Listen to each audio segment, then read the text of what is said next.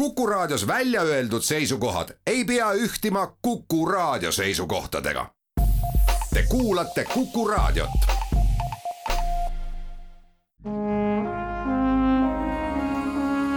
Vanemuise veerand. tere teile, head Kuku Raadio kuulajad, tere saatekülalisele, kelleks on Vanemuise draamajuht Tiit Palu, tervist! tervist!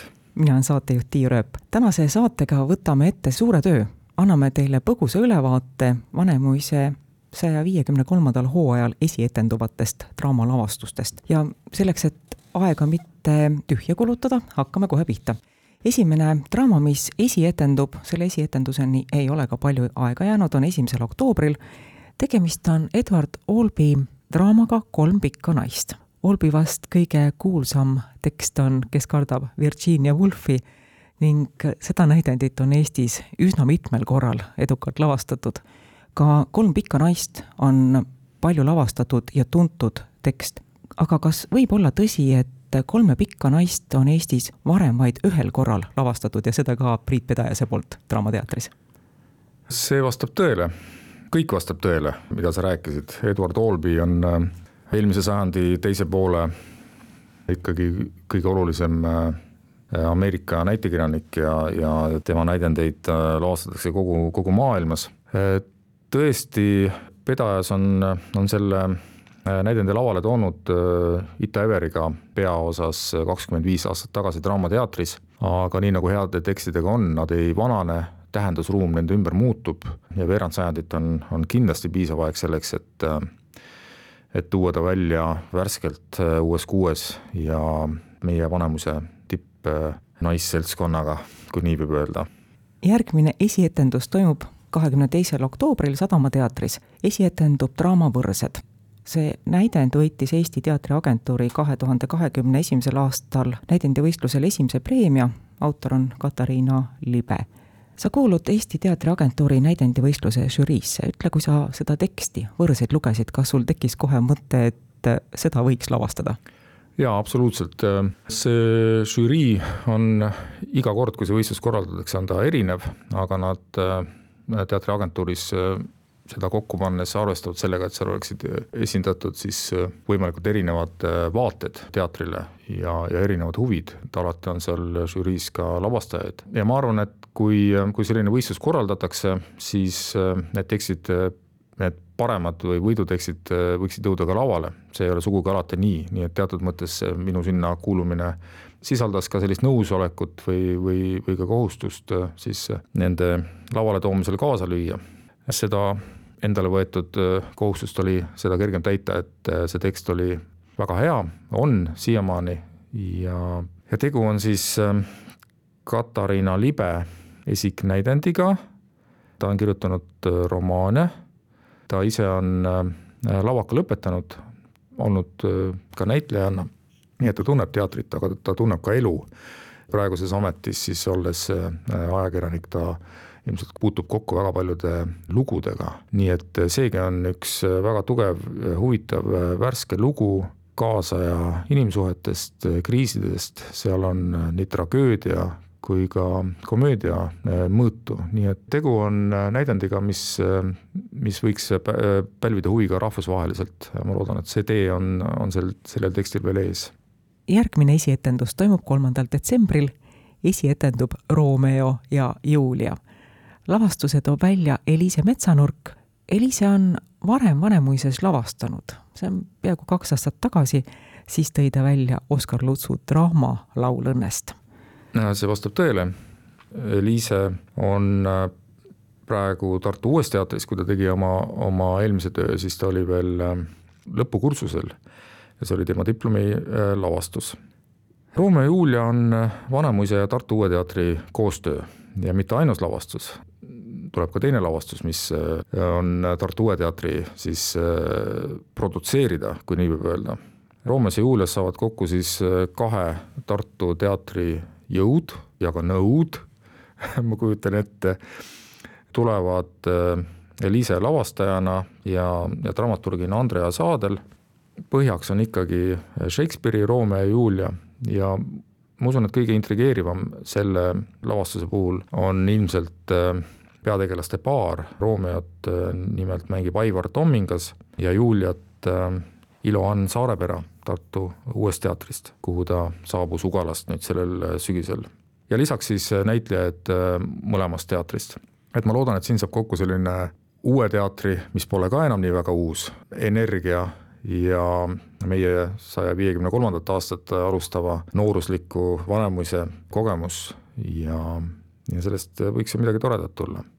see teine lavastus lühidalt, koostöölavastus siis on, on veel pealkirjata minu teada, aga selle siis teeb meie näitleja ja lavastaja, just lavastaja ka sellel puhul Reimo Sagor Tartu Uues Teatris ja seal on samuti siis näitlejaid mõlemast. see tuleb välja talvel. talvel, loodetavasti kahekümne esimeseks jaanuariks on Eestimaale jõudnud leebe ja ilus talv. igal juhul tuleb välja tragikomöödia Mägede ilutuskuninganna ning ähm, seda näidendit on lavastatud nii Rakveres kui ka vist hiljuti Tallinnas Tammsaare teatris ja veel enne seda Vanemuises. lavastaja on sama, kes nüüd uuel lavastusel mm, -hmm. Ain Mäeots.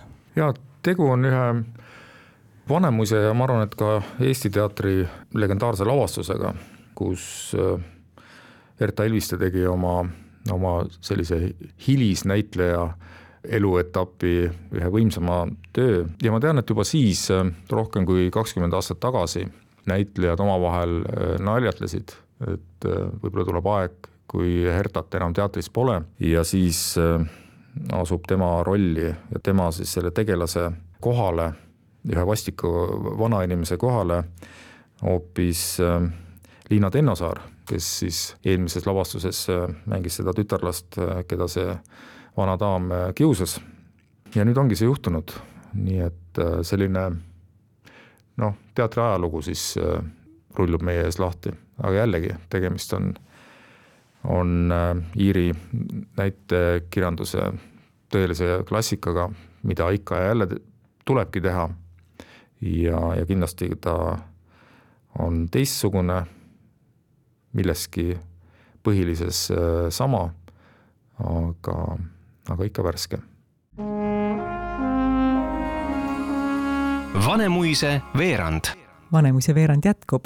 Kuku Tartu stuudios on Vanemuise draamajuht Tiit Palu, saatejuht on Tiia Rööp enne pausile minekut jõudsime rääkida neljast sel hooajal esietenduvast lavastusest kolmest uuslavastusest on meil veel rääkida.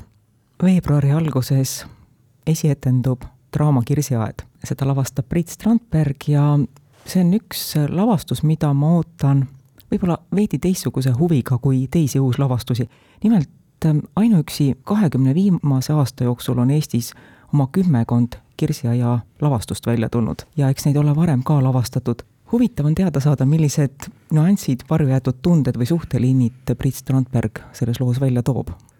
Äh, sa küsisid, et, äh, et sind huvitab, äh, mida Priit selles teeb, noh, ma usun, et see huvitab meid kõiki. tavaliselt, kui lavastaja asub Tšehhovi kallale, siis tal mingi oma mõte on, sest seda teksti pole lihtsalt mõtet niisama ära teha. ma tean tema mõtteid natukene, aga, aga kuidas need siis realiseeruvad, saame näha tundub, et sellest tuleb selline mänguline rõõmus kirsiaed.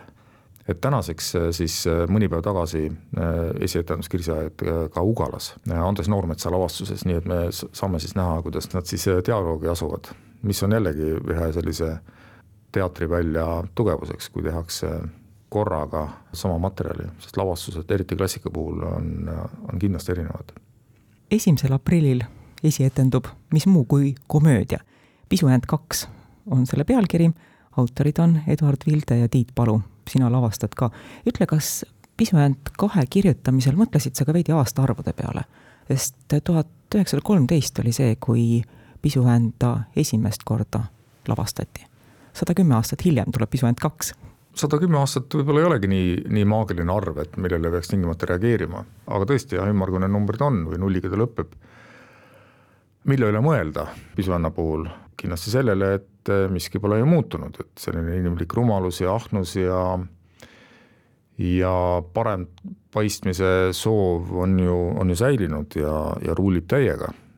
ka praeguses maailmas, et äh, see on põhjus, miks me pöördume selle, selle materjali poole. pisuand on, on palju tehtud, see on kõnetanud publikut ja, ja kõige tugevam jälg on, on muidugi sellest telelavastusest legendaarsete näitlejatega. meie astume sealt sammu edasi. pisuand lõpeb sellega, et Vestman, vana Vestman siis võtab Tiit Piibelehe rõõmsalt oma perekonda vastu ning Ludvig Sander äh, saab äh, Tiidult lubaduse, et ta võib teda teinekordki aidata, kui see peaks äh, vajalik olema.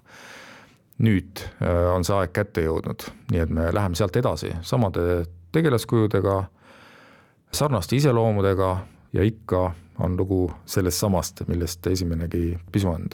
et ma loodan, et, et see kõnetab inimesi, ma loodan, et seal saab palju nalja ja selleks me seda teemegi aprillis esietendub luulelise pealkirjaga draama Sada grammi taevasina. see, et pealkiri on selline, on mõistetav, kuna lugu on Artur Alliksaarest. jaa, ta esietendub äh, viieteistkümnendal aprillil, mis ongi Artur Alliksaare sajas sünniaastapäev. kui me räägime Tartu vaimust, elanud tartlastest, üks tugevamaid kandidaate sellele kohale kindlasti ongi Artur Alliksaar ja me tahtsime, et et, tema lugu ja tema loomingu lugu tuleks ka lavale. Urmas Vadi võttis sellest mõttest kohe kinni ja ta on nüüd saanud teksti valmis. selle käigus on ta intervjueerinud neid inimesi, kes Artur Alliksaart veel isiklikult mäletavad, sest ka tema surmast saab varsti mööda kuuskümmend aastat. tema liiga varasest surmast ta ju elas ainult neljakümne kolme aastaseks aga ta kuidagi äh, värvis oma sõnadega seda kuuekümnendate alguse Eestit. ja need värvid on ajas vastu pidanud ja, ja ma loodan, et nad on siis värsked ka selles lavastuses, et see, seda sõna värske ma olen nüüd mitu korda kasutanud, et, et me otsime seda, seda teatris muidugi alati. ma olen väga põnevil, mis sellest saada võib, sest Urmas Vadi ise Tartu kirjanikuna ja, ja autor-lavastajana ongi võib-olla, et, et ainus inimene, kes, kes võiks selle vägiteoga hakkama saada ja, ja kuidagi nagu teatrivormis tuua meieni äh, Alliksaare vaimu ja surematu olemuse. kas võib anda ka lugemissoovituse? jaa. Lauri Sommerilt ilmus hiljuti raamat Toome tuled kus ta räägib siis äh, nendest äh, Tartu vaimudest või nendest tuledest, kes äh, säravad siis Toomemäel, kus ta isegi on elanud. ja nende hulka kuulub ka Artur Alliksaar, kellest on seal pikalt ja väga huvitavalt juttu, nii nagu ka Uku Masingust, Indrek Irvest ja, ja mitmest teisestki. et see on minu, minu selline suvelugemise suur, suur elamus, olen sellest väga tänulik ja ja enne Alliksaarest äh, rääkivat lavastust oleks ju tore, kui, kui seda loetaks. aitäh, Tiit Palu, saatesse külla tulemast, aitäh selle ülevaate eest! aitäh! aitäh kõigile kuulajatele, jälle kuulmiseni! Vanemuise veerand